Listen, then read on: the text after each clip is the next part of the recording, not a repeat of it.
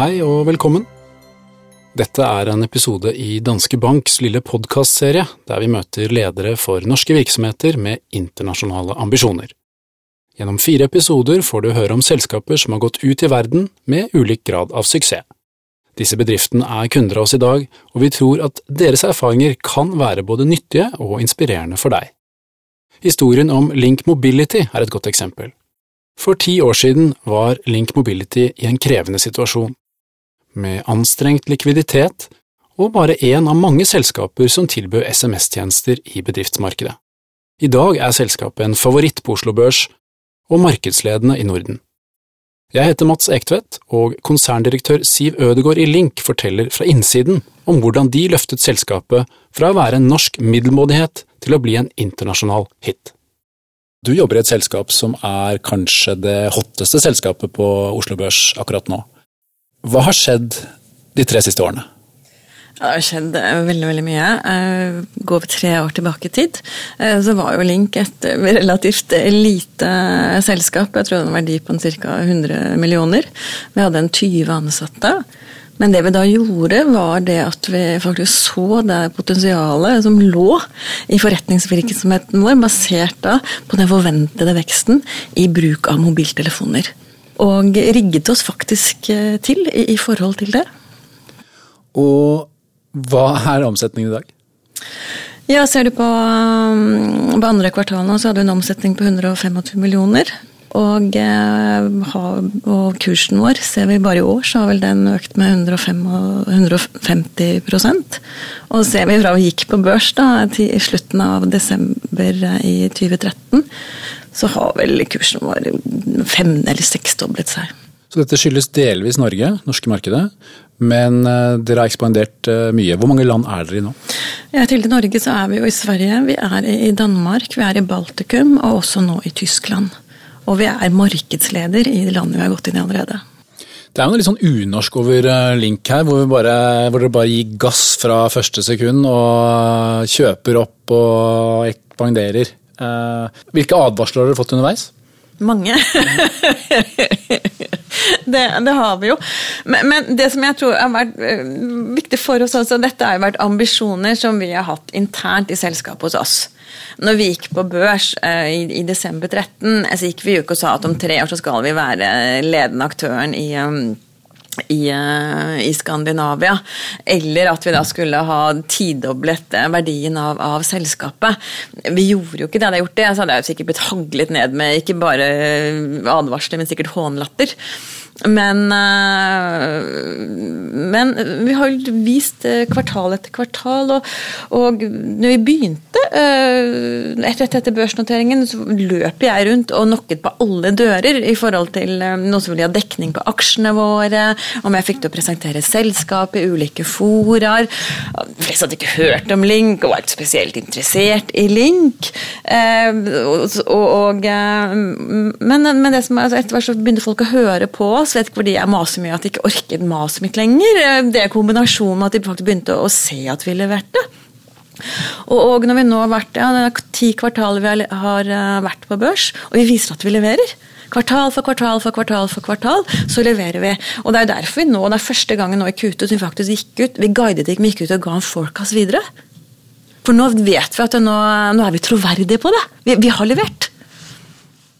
Kan du ikke helt kort forklare Hva er det dere gjør? Hva er de viktigste tjenestene deres? Ja, de viktigste tjenestene våre er vi leverer mobilkommunikasjon. Og, og per i dag så er det SMS-en som er helt klart foretrukne meldingsbæreren. Eh, den er 90% av alle SMS-er blir lest innen eh, fire minutter. Så vi ser også en veldig stor vekst i andre typer løsninger som vi bygger rundt eh, selve meldingstjenestene der. Og nesten alle våre kunder de kjøper også andre tjenester av Link. Eh, være seg at de bygger opp um, mobile CRM-systemer basert på våre løsninger, betalingsformidlinger, analyseverktøy. Og akkurat innenfor det området så har vi bare sett begynnelsen. Når var dere bestemte dere for å gå ut? Det var ca. tre år siden. Da begynte vi å se konturene av den voldsomme veksten vi, vi nå er i ferd med å, å, erfare.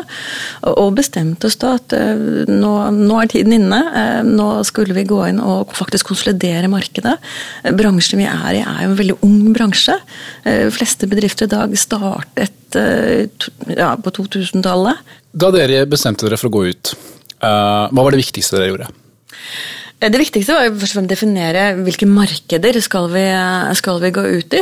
For det som vi var veldig opptatt av, er at vi skulle ha en klar strategi og, og vi skulle ha en god prosess. Det skulle ikke være slik at 'å nei, der var det et selskap der, nei, men da løper vi og kjøper det'. Okay. Ja, vi løper og kjøper hvis det passer inn. Så vi var veldig nøye med å lage en god strategi. Hva, hva skal Link være?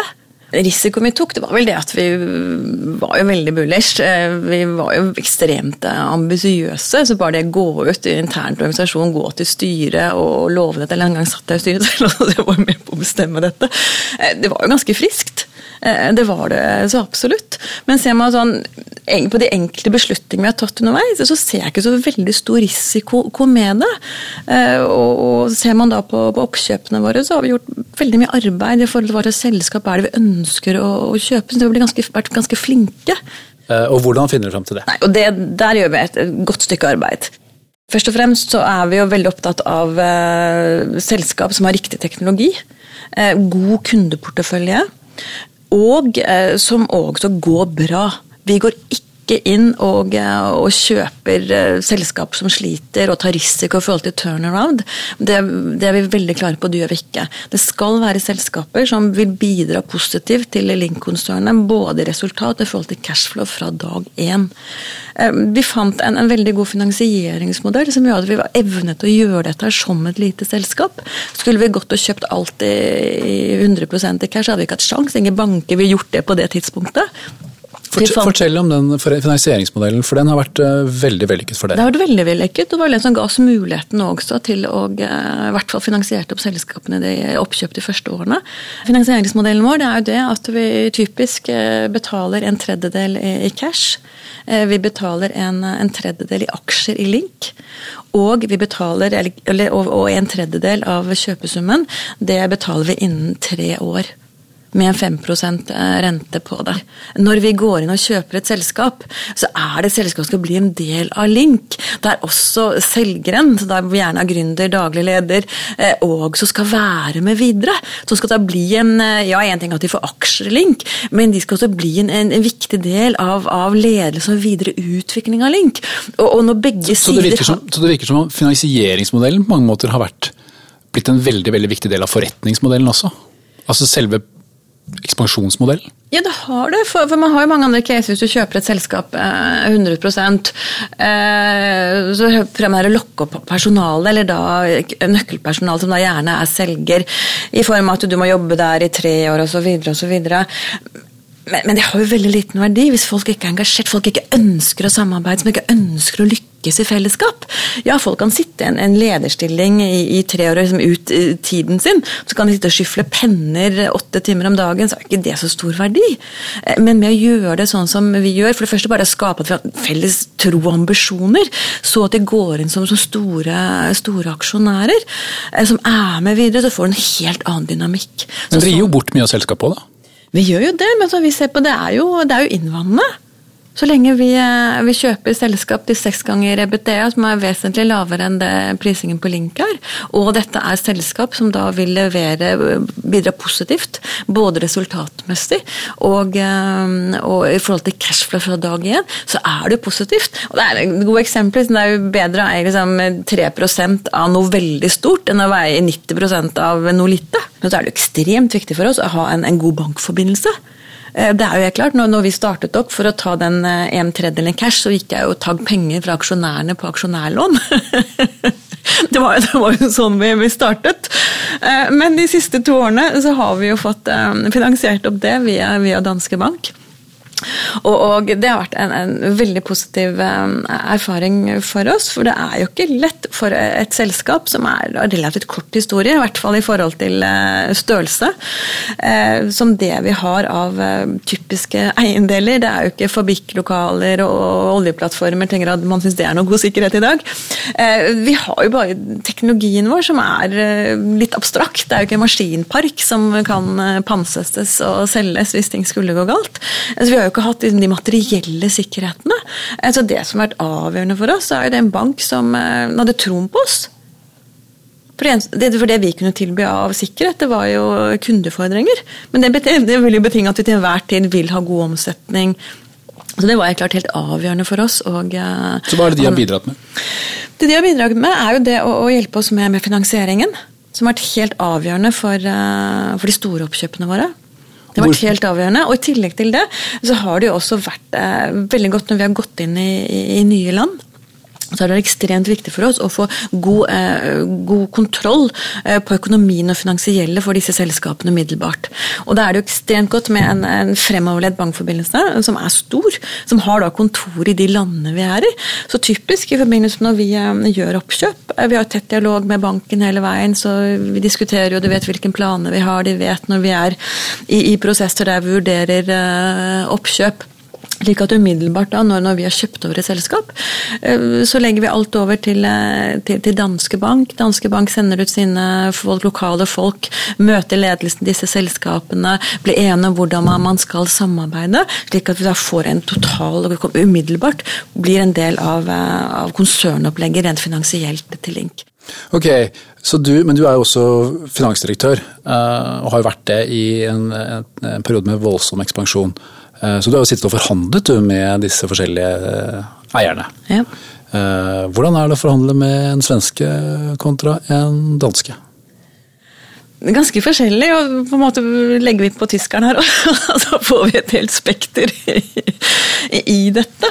Men det som er veldig, veldig viktig for oss, det kan være fellesnevneren i, i, um, i, alle de forhandlingene jeg har hatt, er det at vi har kommet, vi har kommet litt tilbake til finansmodellen vår. Når vi kommer liksom og starter inn i forhandlingene og sier at uh, ok, vi liksom skal betale en tredjedel i cash, en tredjedel i aksjer, en tredjedel i sales credit, som vi kaller det, så er det nei, nei, nei, helt uaktuelt. Vi skal ha, ha 100% cash. Eh, men så ender vi alltid opp med at vi, faktisk, at vi enes om den, den løsningen vår.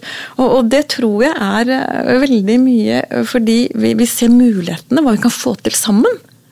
At vi gjennom en, en Det tar litt tid, slike, slike prosesser. Liksom fra man starter å, å samtale til man faktisk er, er enig og ikke minst overtar et selskap. Så er, liksom det, så er, det, det å få den felles eh, forståelsen, felles ambisjonen for hva man kan få, få til som en stor aktør. Men er veien frem dit forskjellig for en svenske, en danske og en tysker? Selvfølgelig, vi ser at det er uh, forskjeller.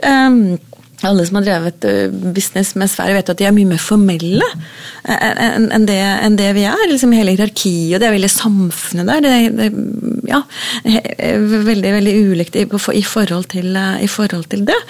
Eh, ser vi på, på Danmark, så føler vi at de kanskje er, er likere. Litt mer kremmerånd. Og vi fikk jo utrolig mange advarsler når vi begynte å bevege oss i Danmark. Ja, ingen, ingen norske selskaper lykkes i Danmark, og forhandle med dansker det er jo helt umulig, for hver gang man er vi tror vi er i mål, så skal de reforhandle og, og slike ting. Så, og det var feil? Vi så elementer av det, det, det var jo helt klart. Men jeg syns det, for jeg har gjort to relativt store oppkjøp i Danmark. Jeg syns det har gått veldig greit. Så dette her har egentlig bare vært øh, fløte hele veien? det? Nei, det har jo ikke alle som eh, skal få til ting og ha ambisjoner, vet jo at eh, det er tøffe tak. Det er det jo helt Jeg har ikke hørt noen ting, om tøffe tak. Men det er kanskje fordi vi er veldig pragmatiske. Eh, når vi går inn og skal gjøre et oppkjøp eller lansere en ny teknologisk plattform, gå inn i et nytt samarbeid med en, stor kunde, så setter vi selvfølgelig mål og ambisjoner hvordan vi skal gjennomføre dette. her. Så vet jo alle at du leverer jo aldri 100% Leverer du 60-70-80% så skal du være veldig fornøyd. Men det viktige er jo at når ting ikke blir sånn 100 eh, så snur man seg rundt. Og så finner man ok, enten man er fornøyd med ok, det er de 60% vi er happy med det, og så går vi videre. Og så tar vi med oss det erfaringen. Eller så er det ok, men hva må vi gjøre annerledes? Hva må vi snu oss, hva er plan B? Og så går vi for det. Hvor ofte har dere måttet ta i bruk plan B? I så store ting så har vel relativt, uh, relativt sjelden. Sånn sett så har det vært en, en veldig god, positiv reise. Men det er jo alltid en, en del andre ting der vi må, må, snu oss rundt og se hva gjør vi. Hva er det typisk som dukker opp da som, som utfordringer? Det vi, det vi ofte, ofte, ser, det er jo forhold til eh, dette med, med integreringer og eh, slikt til, som jeg syns har vært veldig, vært veldig vellykket. Så er det jo slik at hver gang vi, vi gjør en Vi startet jo helt på scratch med, med store ambisjoner, og det gikk i 100. Eh, og hver gang vi, vi gjør et oppkjøp eller lanserer en ny tjeneste nå, så blir vi jo litt bedre hver gang. For vi tar jo med oss det vi kunne ha gjort bedre i forrige runde. Hva har vært det mest overraskende for dere?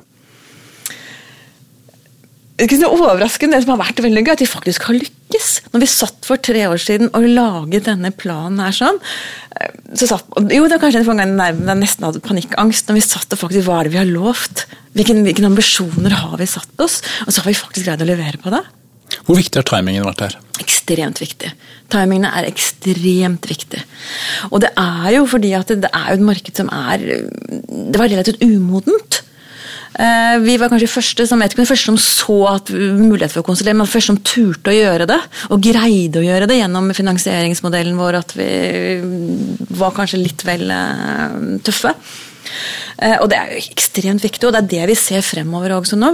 Lagde, nå leverte vi på treårsplanen vår. Vi lagde også en ny treårsplan når vi presenterte Q2-tallene våre. Så var vi tydelige i markedet og gikk ut og sa at i utgangen av 2018 eh, så skal vi ha en omsetning på, mm, på 2,7 milliarder. Vi skal ha et EBDA på, på, 400 millioner, og vi skal være minimum i, eh, ti land. Så dobbelt så store? Mm -hmm. Over dobbelt så store. Og eh, når vi presenterte det, eh, så var det jo en del som spurte ja, ja, men dette var jo ambisiøst. Ja, det er kjempeambisiøst. Men det vi, men det vi faktisk, eh, faktisk, lover, det er at vi bare skal fortsette det vi gjør. For det man gjør, når man ofte ser, iallfall jeg som er ute og leter etter mye selskap og presentert veldig mye selskaper, så ser man jo sånne voldsomme ambisjoner. Og så begynner man å se på tingene. Hva skal til for at de når det? Jo, de skal gjøre alt så veldig mye annerledes. Hadde de bare fortsatt sånn som de gjør nå, så, så, så har de ikke sjanse til å finne nye produkter. Det er liksom alt mulig de, de skal gjøre. Det er det eneste vi skal gjøre for å nå de neste, målene neste tre årene, det er å fortsette det vi gjør i dag. Er det, jeg, sier, jeg sier ikke at det er lett, det er masse hardt arbeid, men det er realistisk. Og det er også den beskjeden dere gir til de selskapene dere kjøper? Ja, det er det, er det helt klart. Og når de går inn da og selger til Link og eh, blir en stor aksjonær i Link og selger kreditt, betyr det at de har tro på det. Men en annen ting som, som kanskje har vært viktig i Link-suksessen også, det er det at vi eller for, å si det, sånn, Når du begynner, er det så lite selskap som oss, du går på børs, du gjør oppkjøp Vi hadde jo ikke akkurat Norges største konsernledelse. Det er to-tre mennesker som løper rundt og prøver å gjøre så godt vi kan. Og så, masse, så har vi folk rundt der, og alle gjør så godt de kan. Eh, og er det sånn at du da skal gjøre alt 100% eller kanskje 120 hadde du aldri hatt sjans til å komme i gang. Så er det bare å brette opp enden. Dette har vi ikke gjort før. Nei, da har vi tre alternativer. Vi kan gå til å kjøpe masse eksterne tjenester. Egentlig ikke råd til, jeg tror aldri det er en god løsning. Vi kan si at uff, nei, dette blir for vanskelig for oss, eller skal vi bare brette opp ermene. Ok, vi gjør så godt vi kan. Og så har vi tro på at faktisk det er godt nok. Det har det vært. Det har det vært, ja. Men det tror jeg er sånn, er det, er det slik at du skal, hver gang du gjør noe første gangen, eh, så skal du eh, gjøre ting 130% være helt sikker på at du lykkes. Da, da kommer du aldri i gang. Og det har kanskje vært vårt styrke også. Vi, vi har vært rimelig vågale. Ok, Når man har lykkes da i ett marked, ett land, hvor mye lettere er det å lykkes i det neste? Uh, jeg, jeg, tror at det er relativt lett å lykkes da med den modellen vi har. Hadde vi bare nå eh, funnet ok, nå skal vi til Tyskland, eh, ansetter en leder der, sender to-tre selgere fra Norge og begynner fra scratch, da tror jeg det er vanskelig. I hvert fall gitt det at vi har en åpning i vinduet i forhold til at eh, nå har vi et par år på oss å gå inn og ta markedene. Det er derfor vi, vi har denne modellen vi har. Istedenfor å gå inn og åpne kontoret, starte fra scratch, så går vi inn og kjøper en, eh, en ledende virksomhet der med god ledelse, god teknologi, god kundeportefølje. Så bruker vi det som utgangspunkt, og på toppen av det da legger på alle de andre tjenestene, all kompetanse for Link. Det er sånn vi, vi får det til. og og det er sånn vi skal lykkes framover, og det har vi veldig tro på. Så det tror jeg er, i hvert fall i vår bransje, i vår setning. Og hvor er Link om eh, fem år? Eh, om fem år så tror jeg vi vil være, eller ikke tror, jeg vet, at da vil vi være en ledende aktør i, i Europa. Da har vi den rollen som vi nå har i Skandinavia. Ambisjonene er ikke mindre? Langt derifra. Og det som er store forskjellen nå, nå vet vi faktisk at vi kan klare det. Når vi startet for tre år siden, så var vi eh, veldig ambisiøse, og vi hadde kjempehåp om at vi skulle greie det. Startet med en liten organisasjon med begrenset eh, finansiering, og har fått det til. Link i dag er børsnotert selskap, vi er anerkjente, vi har en organisasjon til å håndtere det. Greide vi for tre år siden, så har vi ekstremt gode forutsetninger for å, å lykkes med samme strategi neste tre årene. Tusen takk skal du ha.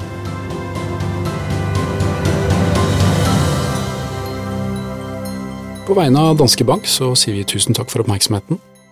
Håper det var nyttig, og at du kanskje ble litt inspirert til å stå på videre i egen virksomhet, og kanskje fikk du også noen internasjonale ambisjoner hvis du ikke hadde det fra før. Jeg heter Mats Ektvedt, og hvis du har lyst til å høre flere av våre podkaster om virksomhet over landegrensene, så finnes de også på iTunes og Soundcloud.